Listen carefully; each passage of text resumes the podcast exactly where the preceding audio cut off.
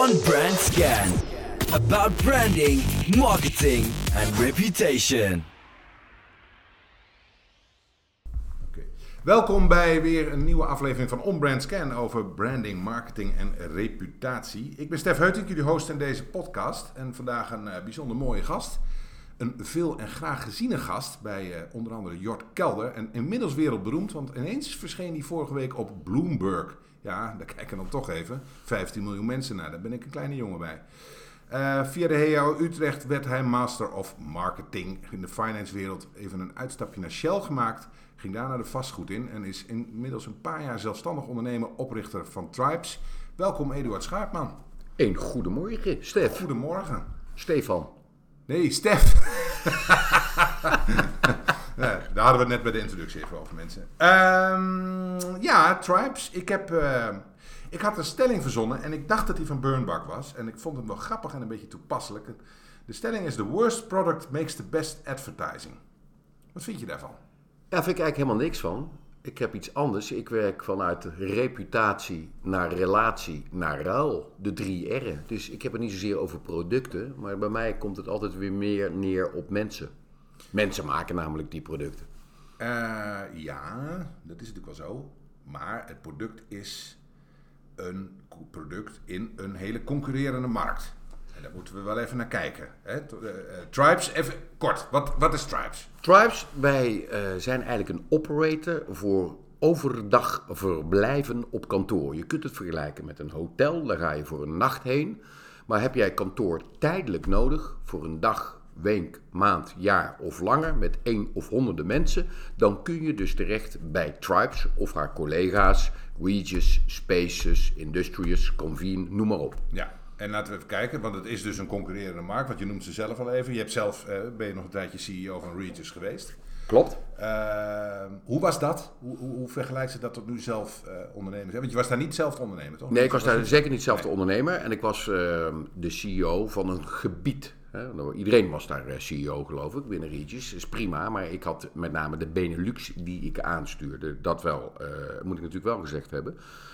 Ehm, het is nog geen concurrerende markt, omdat de markt pas 40 jaar oud is. Hè. De, de markt is nog jong. Als je kijkt naar de totale markt van het verhuren van kantoorpanden, stel die is 100, dan is pas 5% van deze panden ondergebracht bij operators. Er wordt nu wel een groei gesignaleerd naar 35% in 2035. Dus het is een groeimarkt. En ik denk dat er nog meer competitors gaan bijkomen. En daarna zal pas die consolidatie plaats gaan vinden. Is dat een beetje vergelijkbaar met de internetmarkt 20 jaar geleden, 25 jaar geleden? Kan je dat zo zeggen? Is het zo in ontwikkeling? Is het... Ehm, het gaat, nee, je kunt niet vergelijken met internet, want internet ging veel sneller. En dit blijft een fysieke materie, fysieke handel. Het openen van een locatie is heel duur, zeer kapitaalintensief. En als je een goed internetplatform hebt, hoeft dat niet kapitaalintensief te zijn, uiteindelijk in de begin. Dit wel. Elke locatie kost gewoon minimaal 2 miljoen aan investeringen om in te bouwen. ja. Dus het is een kapitaalintensieve markt. Eh, Er zullen mensen zeggen, ja, maar we zien wel een soort van consolidatie, hè, waar ik het net over had. Dat klopt. Je ziet dat IWG, de moeder van Regis, veel opkoopt op dit moment. Eh, dus er vindt wel degelijk een consolidatieslag plaats. Maar ik zie het nog steeds, en dat wordt ook bevestigd door Jones Lang LaSalle, door Cushman, en dat zijn alle adviseurs in deze vastgoedwereld, dat deze markt sterk groeiende is. Omdat we alles meer willen delen. En zeker in de markt waar het gaat om sharing is caring, duurzaamheid, betekent het delen van een kantoor toch heel wat. Want 40% van de CO2-uitstoot komt van kantoren. 40 procent. Ja. Omdat ze gebouwd worden of omdat ze gewoon bezet worden? Beide gebouwd. En het is natuurlijk zo dat die kantoren, die verwarming blijft aanstaan. Ja, ja, ja. Die lichten blijven aanstaan. En in principe moeten we er allemaal naartoe komen. En het is ook nog eens zo dat het kantoor niet altijd wordt gebracht. Want zit jij dagdagelijks op jouw kantoor?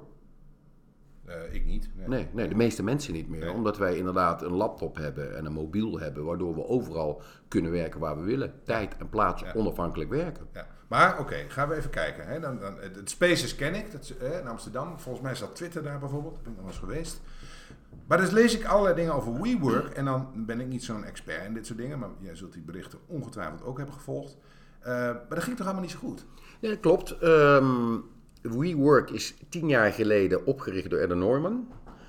Ehm, wat je ziet is dat hij het merk fantastisch heeft neergezegd. Als er iemand iets heeft gedaan aan branding, is het eh, Adam Norman wel. Eh, ik bedoel, doordat WeWork is gestart, weet nu de hele wereld wat coworking is. Dus die boodschap heeft u goed verteld. En ik vergelijk het vaak met Napster.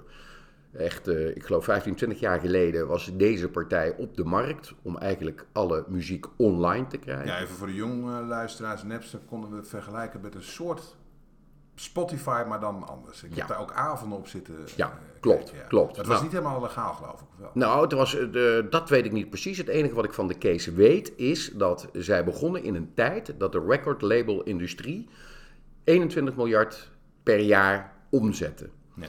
Toen kwam Napster. Eh, die wilde dus alle muziek online eh, gaan zetten. Eh, gingen zelfs naar een IPO, net als WeWork. IPO is gecanceld, net als bij WeWork. En Napster is failliet gegaan. Maar de record labelmarkt is van 21 miljard naar 6 miljard gedaald. Nu weer een beetje stijging sinds de laatste tijd.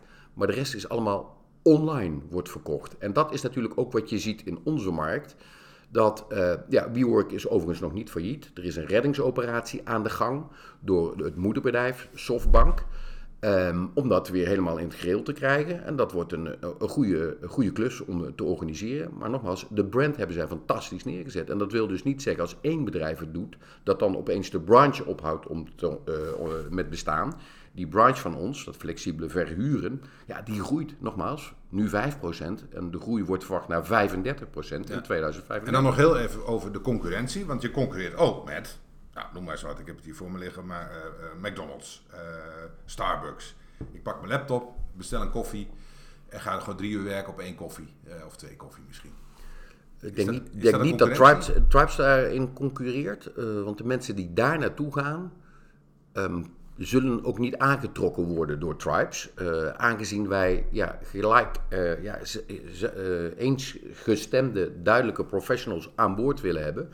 En in principe, als jij naar een McDonald's gaat of je gaat naar een Van der Valk toe, dan kan het zijn dat je ook andere mensen tegenkomt. Niet dat dat verkeerd is, maar dan kom je tussen toeristen, dan kom je tussen kinderen, dan kom je tussen allerlei andere mensen die op dat moment Niet niet, zakelijk niet bezig zijn. En uiteindelijk wil je uiteindelijk die zakelijke eh, individuen hebben die aan het werken zijn. Ja, ja, en het komt dan even op je pad, je gaat er zitten en dan werken, begrijp ik Ja. eigenlijk wel. Ehm, Oké, eventjes door naar onderwerpen als branding en marketing. En we begonnen net over de most, de best, nee sorry, the worst product makes the best advertising.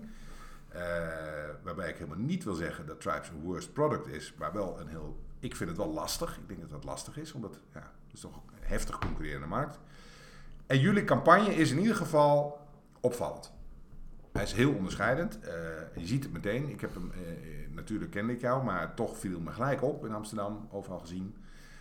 Wat is de gedachte daarachter? Laten we eerst even zeggen wat die campagne is. Want jij komt er overal in voor, in, in, in elke campagne uit. Ja, Waarom dat is klopt. dat? Nou, dat is eigenlijk geboren eh, uit ondernemerschap. Eh, ik heb deze toko gestart, Tribes, eh, met de bedoeling om hem te positioneren in een zakelijke markt.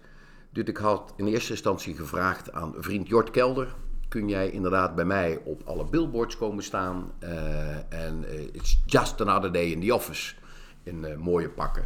Heb je daar een bureau voor? Omdat ze Eh, nee, ik heb dit in eerste instantie ben ik dit zelf gaan bedenken. Ja. En ik heb uiteindelijk aansluiting gevonden met de Communication Company uit Breda van Kees Vaas. En die hebben mij daarin verder geholpen. Eh, die zijn dus ook eh, gaan praten met het management van, eh, van Jort Kelder. En ja, de beste man bleek toch wel wat kostbaar. Ja, ja, en dat kon ik mij natuurlijk niet permitteren. Toen heb ik de stoute schoenen aangetrokken om zelf op die billboardcampagne te gaan.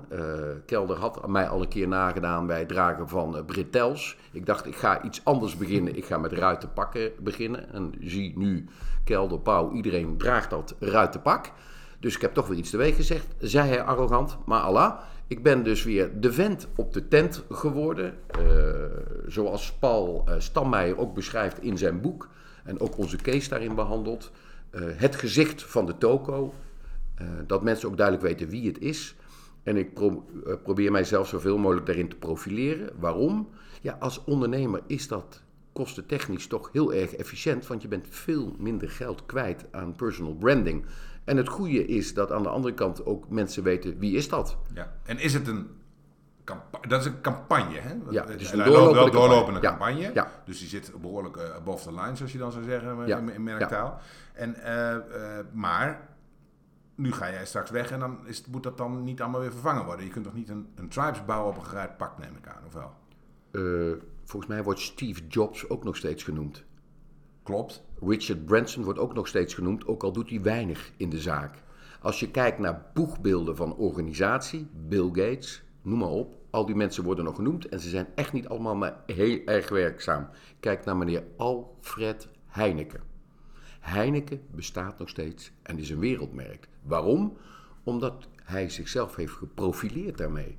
En hij heeft het boegbeeld gespeeld. Als je nu kijkt naar Nederlandse organisaties, nou, energiemaatschappijen hoeven we het niet meer over te hebben, want ik heb begrepen dat vandaag de laatste Nederlandse energiemaatschappij ook is overgenomen. Ja. Maar een energiemaatschappij vraagt aan de willekeurige Nederlander wie is daar de voorzitter, of vraag aan een willekeurige Nederlander wie is de voorzitter van welke bank of welke verzekeraar. Ik denk dat niemand daarop een antwoord heeft, of weinig mensen daarop een antwoord heeft, omdat het allemaal commodity is geworden. Wil je geen commodity worden, maar wil je echt een mooi product hebben, dan zul je je storytelling moeten doen. En niet alleen bij storytelling laten, maar ook overgaan naar story doing. En die- dat story doing, dat zit volgens mij op een ander vlak, want dan zit ik heel erg, dan is dat dat tribes, hè? daar zit Ja. de filosofie achter. Ja, Vertel ja, even de filosofie, wat is dat? Nou, we zijn eigenlijk gaan terugkijken. We roepen heden ten dagen heel erg in de online wereld, we moeten communities bouwen. En dan beginnen we van scratch af aan. Maar we zouden ons eerst eens moeten verdiepen, tenminste dat hebben wij gedaan, in hoe werden communities vroeger gebouwd. Nou, daar hebben we behoorlijk wat mooie boeken over gelezen. Een van de mooiste boeken die ik daarover heb gelezen is van eh, Homo Sapiens. ja, Eh, en daaruit blijkt dat de meest gelukkige mens de nomadische mens was, die zo'n 30.000 jaar geleden leefde, die aan het overleven was door te verzamelen en te jagen. Die had geen tijd om andere dingen te doen dan op zoek naar voedsel en te eten, te drinken en te slapen en was dolgelukkig. Want hij hoefde niet na te denken of hij zijn hypotheek kon betalen. Of achteraf te denken, heb ik iemand geschoffeerd? Of dat soort zaken. Hij leefde in het moment. Daar hebben we tegenwoordig meditatie voor nodig.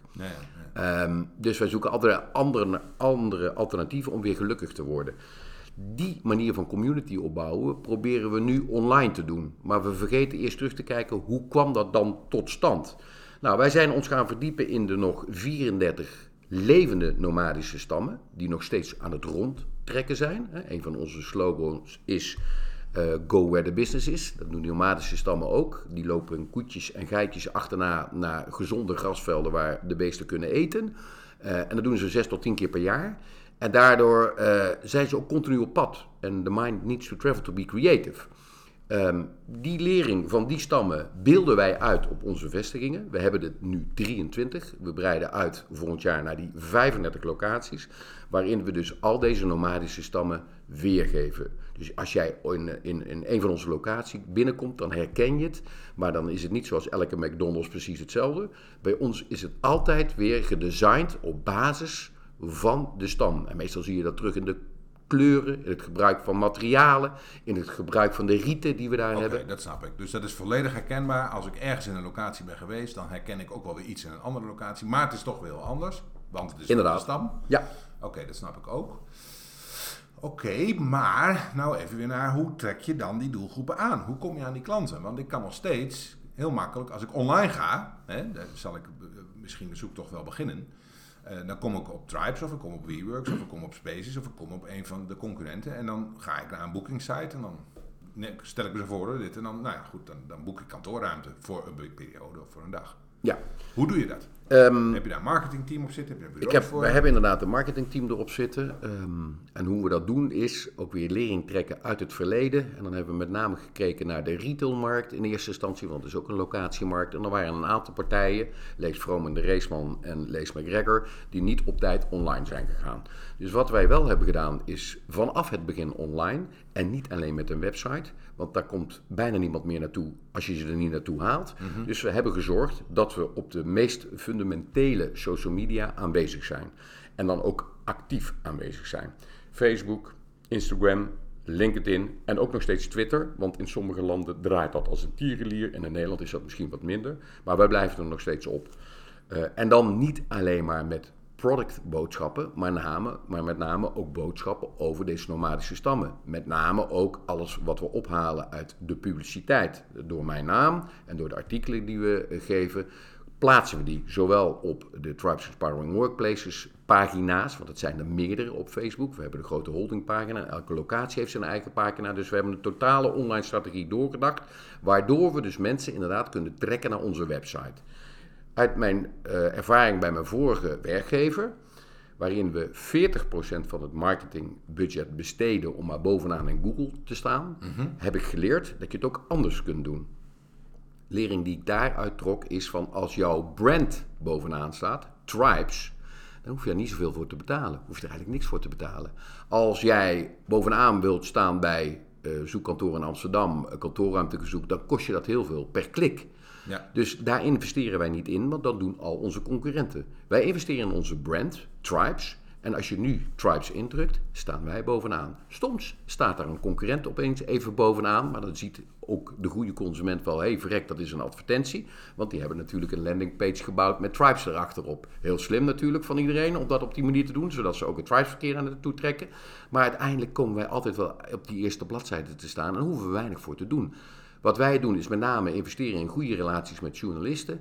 Om je verhaal, je storytelling by story doing over de bühne te krijgen. En dan gebruik je natuurlijk wel die free publicity die je hebt op je. Meten jullie dynamische bekendheid van Tribes? Meten jullie dat soort dingen? Um, wij meten die wel, maar dan meten wij die op onze online pagina's. Om een, eh, een, een voorbeeld te geven. Ik pak er één. Uh, we kijken bijvoorbeeld naar onze concurrentie. Hoe staan die erop met social media? Kijken we bijvoorbeeld naar Facebook, dan zien we dat wereldwijd nummer 1 by far WeWork is. Waarom? Die hebben heel veel gekocht en er is heel veel over gecommuniceerd de laatste uh, paar maanden. Die hebben een bereik van 1,2. Dat is misschien niet 1,2 miljoen. Is misschien niet groot uh, bij velen, maar in de, biz, de B2B is dat heel groot. Dan zou je verwachten, nummer 2, Regis, Spaces. Maar nummer 2 is Tribes. Met een half miljoen volgers, 500.000. En waarom?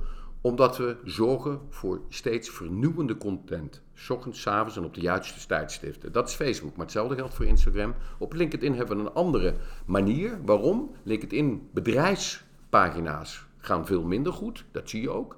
Maar personenpagina's gaan veel harder. Ja. Daarom heb ik ook zoveel volgers op LinkedIn. Ja, ja.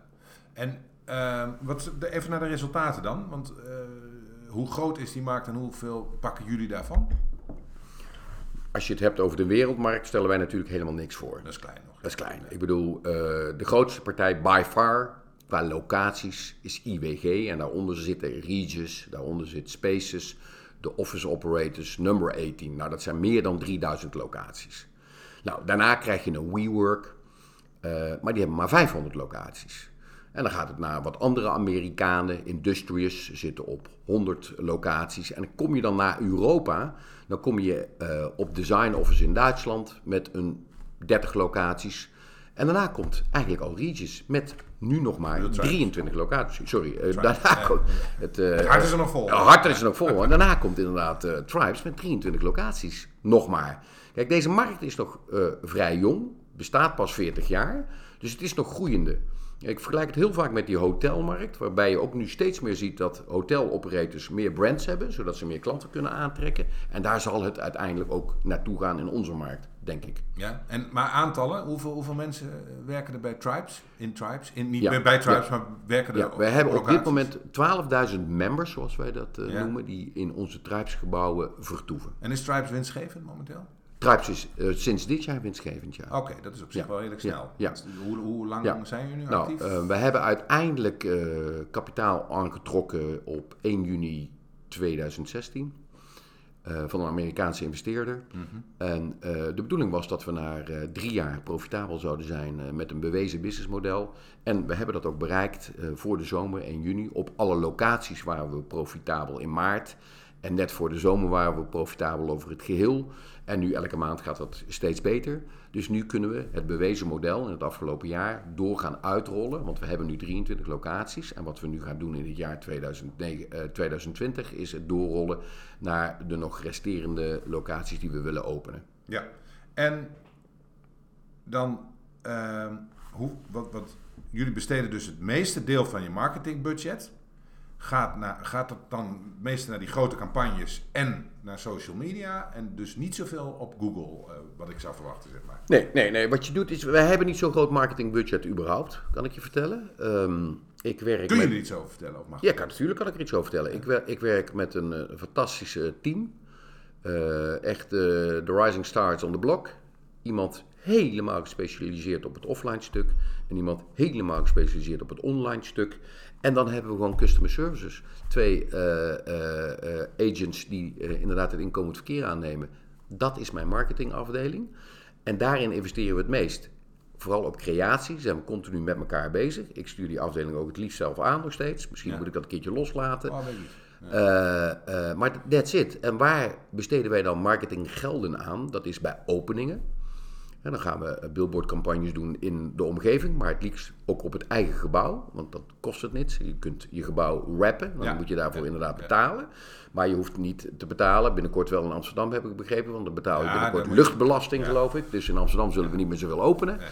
Maar eh, de kosten die we hebben is eigenlijk de opening evenementen en verder eh, het team. En verder proberen we van alles en nog wat. En hebben we een fantastisch eh, sales system, een Salesforce, een CRM system, HubSpot, eh, goed aan elkaar gekoppeld. En we hebben fantastische dashboards die zien wat de resultaten vanuit elke campagne is. En campagnes voor ons kunnen openingen zijn, kunnen events zijn.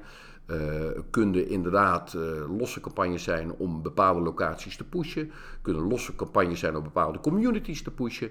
Maar die verzinnen we meestal zelf. Oké, oké, helder. Even naar de reputatie van Tribes. Je zit eigenlijk een beetje in termijnen zit ik nu al te praten. De eerste drie jaar die, eh, die, die zijn eh, goed geweest. Jullie hebben dat gemarket, jullie hebben met campagnes gedaan, je hebt een brand neergezet. En reputatie zie ik dan even als een wat langere termijn eh, verhaal. Vertel even over de, hoe zie jij de toekomst van de, van de kantoormarkt? En ik praat gewoon echt tientallen jaren. Schets ons dat eens. Ja, eh 50 jaar geleden werd internet ontdekt. 1969. ARPA-net hebben we nu. Ja, dus Ja, we gaan nu heel ver terug. Gaan we heel ver terug. En daarvoor hadden we eigenlijk kantoren zonder computers. ja. Nu zijn er kantoren met computers. Maar over 50 jaar zijn die kantoren er niet meer, maar die computers nog wel. Dat is mijn visie. Oké, en dan eh, is er dus ook geen Tribes, want dan is Tribes computers? Of eh, hoe moet ik dat zien? Nou gaan we weer even aanscherpen. Die gebouwen zullen er nog steeds wel zijn, want mensen willen elkaar blijven ontmoeten. Maar niet meer in dezelfde samenstelling als dat het nu is, een kantoor. We gaan back to our roots. We hadden vroeger de tent waarin we woonden, waarin we werkten, waarin we samenkomen. En wat je nu steeds meer ziet, is dat we gaan naar gebouwen waar je winkeltjes in ziet, waar je restaurantjes in ziet, waar je de gym in ziet, waar je het kinderdagverblijf in ziet, de schooltjes in ziet, waar mensen werken en waar mensen wonen.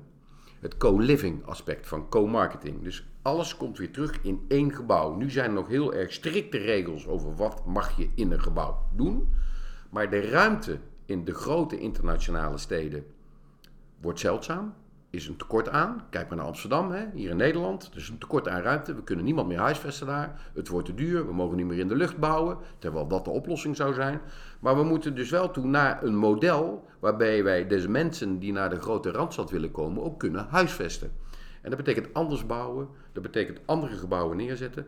Dat betekent kleiner wonen, kleiner werken en meer sharen. Nou, dat is de toekomst op de vastgoedmarkt van de kantoren die ik zie. Oké, en jij, zie je dan ook in de, in de lange termijn dat als ik bij Tribes, het klinkt een beetje plat, een abonnement heb, maar ik ben een deelnemer, of hoe je het ook noemt, dan, dan kan dat wonen, werken, dat kan allemaal alles zijn, zeg maar. Ja, dat is waar we aan het werk, en dat is waar we aan het werk aan het zijn. Hè? Ja. Ik bedoel, we zijn met een eh, groot voorbeeld bezig in Frankfurt. Eh, daar heb je dus 850.000 mensen die er wonen. En door de brexit nu al komen er meer dan 3 miljoen mensen in de week werken. En er is een tekort aan ruimte. Dus de meeste mensen wonen in hotels buiten Frankfurt. Nou, daar hebben we een project gegund gekregen waarbij we inderdaad een toren gaan neerzetten, zelf ontwikkelen, waarbij wonen, werken, retail, alles onderin dag is. En hoe ga je daar dan mee om? Dat is best bijzonder. Hè? Dat, Ja. eh, hoe, hoe wordt dat weer zichtbaar voor ons? Ga je dat uitventen? Laat- la- hoe ga je dat laten zien in de, in de media? Ehm, de vraag is of we dat zoveel hoeven te laten zien in de media. Want uiteindelijk is de vraag rechtstreeks naar ons toegekomen vanuit veel van deze klanten die de behoefte hadden om hun mensen, hun employees die uit het buitenland komen, zowel in Amsterdam, Brussel als in Frankfurt, ook te huisvesten. Dus de kantooroplossing is daar gedaan. Daarna komt meestal de vraag van, hey, weten jullie ook hoe we onze mensen kunnen huisvesten? Dus het is meer dat we het neer gaan zetten. Ik ben meer iemand die zegt, je zet pas iets neer als je zeker weet dat je op die locatie daadwerkelijk ook binnen no time winstgevend kunt zijn. Dus geen product push, maar echt van wat wil die klant, een klantvraag, en dan zet je het neer. Nou, eh, die behoefte is ontstaan en eh, van daaruit gaan we natuurlijk weer eh, dit verhaal vertellen van hoe was het vroeger en waar komen we nu weer terug op uit. Ja. Want het is back to the basics, Ja. toch min of meer. Misschien wordt het wel weer gewoon communities zoals de jaren 60 eh, populair waren. Dus dan komen we een beetje terug bij waar we ooit waren. Nou, ik, ik, ik hoop nog verder terug, eh 30 jaar, 20 jaar terug. Alleen dat wordt een beetje bizar, want niemand kan meer een kip vullen. Nee. Nee. Moeten we dat eerst maar weer leren. Lijkt me een goede... We gaan ook naar de afsluiting. En ehm, ik ga natuurlijk nooit weg bij iemand die dat soort dingen allemaal doet... do- zonder even één tip te vragen. Gewoon voor ondernemers. Wat, je bent nu zelf een aantal jaren ondernemer. Wat is je tip? Een belangrijkste tip die toch keer op keer bij me terugkomt, en ik ben er zelf ook wel eens mee in de fout gegaan, is: ja, blijf bij jezelf, blijf puur, dare to be weird. Durf anders te zijn, durf boven het maaiveld uit te steken. En ja, je kop wordt te vaak afgeslagen, maar het is zo heerlijk om te vallen en weer op te staan. Dus dat is de tip. Ik vind het een mooie tip. Een mooie afsluiting. Ik eh, dank je hartelijk voor dit gesprek. Graag gedaan. Stefan of Stef? Stef. Stef!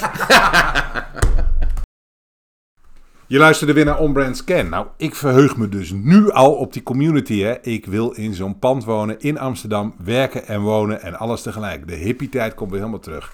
We bouwen er een kampvuurtje bij, gaan er met z'n allen omheen zitten. hey, heb je eh, nog niet ons eh, geliked, gevolgd, gedeeld op social media? Hup, hup, schiet eens op, doe dat dan eens even. Daar worden we allemaal beter van en dan wordt het allemaal leuker van. Ehm, ja, de volgende komt er ook alweer snel aan en deze was mooi. En bedankt voor het luisteren en tot snel.